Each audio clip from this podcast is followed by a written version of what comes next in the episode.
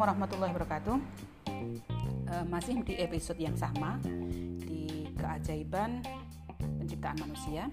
Temanya adalah masa konsepsi, uh, masa bayi atau pranatal, uh, prenatal, kemudian postnatal. Nah, melanjutkan hal itu, kita akan belajar bersama mengenai metode penelitian dalam psikologi perkembangan. Ya. Jadi kenapa sih apa, apa kenapa kita harus membuat riset atau kenapa kita harus melakukan penelitian?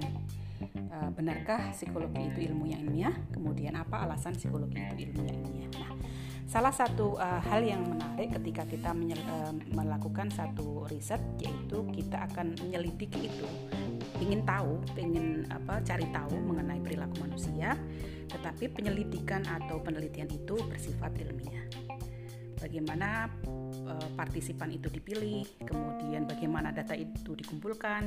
Setelah ketemu data itu, kemudian bagaimana kita analisa, kemudian kita bisa menyimpulkan sebuah hasil dari penelitian kita. Ya. Uh, beberapa contoh riset di dalam perkembangan di antaranya adalah misalnya keajaiban Al-Quran pada tumbuh kembang janin, kemudian pengajaran Al-Quran sejak dalam kandungan, uh, dampak aborsi pada kesehatan mental perempuan. Nah, itu salah satu atau beberapa contoh uh, riset di dalam perkembang uh, psikologi perkembangan. Nah, penelitian dalam psikologi perkembangan sendiri ada dua uh, macam gitu ya. Penelitian kuantitatif dan penelitian kualitatif. Ketika kita membicarakan penelitian kuantitatif yaitu penelitian yang ber, berfokus pada data keras yaitu pengukuran numerik atau statistik atau bisa kita katakan bahwa uh, dalam penelitian kuantitatif kita ingin mengkonfirmasi sebuah teori Sedangkan penelitian kualitatif adalah penelitian yang fokusnya pada data lunak, seperti pengalaman, perasaan, keyakinan subjektif dari e, partisipan. Atau kita bisa katakan bahwa ketika e, penelitian kualitatif itu dilakukan untuk memahami fenomena atau untuk mengeksplorasi e, fenomena tertentu. Nah, e, ada beberapa bentuk-bentuk pengumpulan data ya di antaranya adalah self report yaitu catatan harian wawancara kuesioner gitu ya. Kemudian yang kedua adalah pengukuran perilaku uh, uh, dalam kinerja misalnya seperti itu. Ada observasi naturalistik ada observasi laboratoris nah self report sendiri adalah catatan harian wawancara atau kuesioner di mana partisipan itu ditanya beberapa aspek dalam hidup mereka. Pertanyaannya bisa jadi sangat terstruktur atau lebih fleksibel.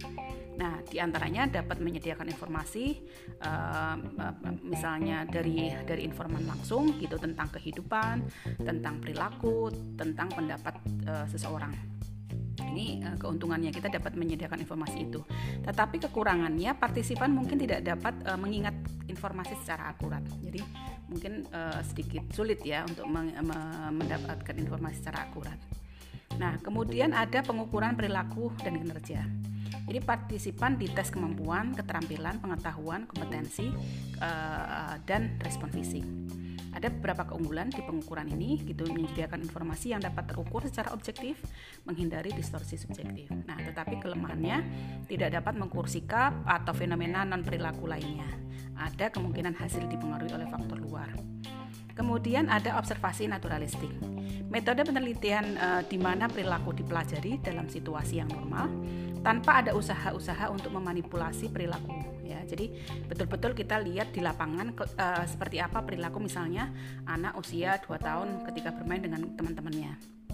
Nah, ke keunggulannya di, uh, apa namanya observasi ini adalah menyajikan deskripsi perilaku dengan baik, tidak memaksakan tata situasi karena sangat ilmiah sekali yang dapat uh, mendistorsi perilaku seseorang tetapi kelemahannya ya kurang terkontrol gitu ya. E, biasanya ketika anak-anak bermain kemudian kita duduk di situ sebagai observer, kadang-kadang perilakunya tidak tidak natural atau mungkin ada pengamat sehingga kadang-kadang e, ini e, menjadi masalah tersendiri. Atau karena e, apa observer itu punya pengamatan yang sedikit berbeda misalnya seperti itu. Kemudian observasi laboratoris yaitu metode penelitian di mana seluruh partisipan diobservasi dalam kondisi terkontrol yang sama. Jadi biasanya di laboratorium atau di situasi yang memang e, dikendalikan. Jadi keunggulannya adalah menyajikan deskripsi yang bagus, memiliki kontrol yang lebih baik daripada observasi naturalistik, e, apa namanya? Karena semua partisipan diamati di bawah kondisi yang sama. Ya jadi di di sebuah ruangan gitu ya dengan situasi temperatur yang sama kemudian mungkin di situ ada uh, eh, CCTV dan sebagainya gitu ya. Tetapi kelemahannya bias pengamat. Jadi situasi dikontrol ya, sehingga tidak bisa bisa ada dikontrol bisa jadi itu apa namanya ada beberapa yang muncul gitu ya ada eh, hal-hal uh, yang muncul yang tidak terduga Nah, di dalam rancangan penelitian dasar, uh, terutama di kualitatif, uh, di apa rancangan rancangan penelitian dasar, ya kuantitatif atau korelasi apa namanya kuantitatif itu ada misalnya studi kasus, ada studi etnografis, ada studi korelasional, kemudian ada eksperimen. Ya, apa itu studi kasus? Studi kasus adalah mempelajari seseorang mendalam. Ya, jadi ini biasa dilakukan di kualitatif gitu ya, biasanya dengan n yang uh, sedikit n1 gitu atau dengan ini, partisipan satu saja cukup gitu ya. Tetapi betul-betul mencari sesuatu yang uh, tidak ada yang lain unik sangat unik gitu ya sehingga kita menggunakan studi kasus itu untuk mempelajari seseorang secara mendalam keunggulannya adalah fleksibilitas meng, apa, menghadirkan gambaran secara detail tentang perilaku dan perkembangan seseorang. Tapi ada kelemahannya ada kemungkinan tidak dapat di, bisa tidak bisa digeneralisasikan kepada orang lain. Untuk apa namanya? Tidak dapat membangun hubungan kausalitas. Nah, sedangkan studi etnografi sendiri adalah studi mendalam mendalam terhadap kultur atau subkultur ini kita melihat satu budaya tertentu gitu ya misalnya seperti itu. Kemudian keunggulannya dapat membantu mengatasi bias kultur dalam teori dan riset dapat menguji universalitas uh, fenomena perkembangan kelemahannya ya ada bias pengamat ya.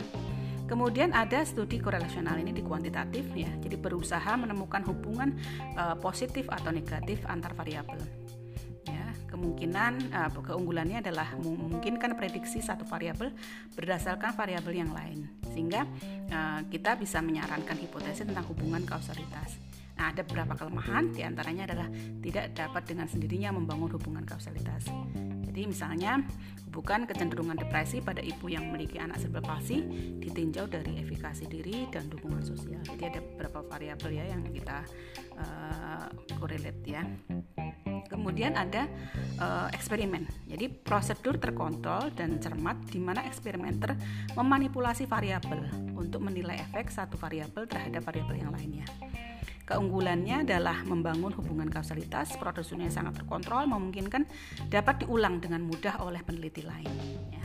Kelemahannya ya temuan terutama yang berasal dari eksperimen laboratoris biasanya uh, bisa jadi tidak dapat dijeneralkan pada situasi di luar laboratorium. Jadi misalnya ada pre uh, pretest gitu ya, ada satu uh, pretest sebelumnya dites dulu semuanya, kemudian ada interven apa ada satu eksperimen yang diujikan, kemudian ada post testnya. Setelahnya bagaimana? Apakah ada uh, kenaikan atau tidak? Misalnya seperti itu. Nah, rancangan uh, penelitian perkembangan sendiri ada longitudinal, cross sectional, kemudian sekuensial. Jadi studi longitudinal adalah rancangan studi untuk menilai perubahan dalam sampel selama beberapa tahun. Ya, jadi uh, ada beberapa informasi, misalnya dia dilihat, misalnya anak itu dilihat dari usia 0 sampai 10 tahun gitu ya. Jadi ini dilihat terus per tahunnya seperti apa perkembangannya gitu ya. Nah, keunggulannya tentu dapat menunjukkan perubahan kontinuitas yang berhubungan dengan usia. Kelemahannya yaitu memakan waktu dan tentu penelitian ini adalah mahal gitu ya. Kemudian ada efek dari tes yang berulang gitu ya. Nah, adapun studi cross seksional yang biasa kita apa namanya lakukan eh, mudah ya rancangan studi di mana orang-orang yang berbeda um, eh, umur dinilai dalam satu kesempatan. Jadi data dikumpulkan dari orang-orang dengan usia yang berbeda dalam satu waktu, gitu ya.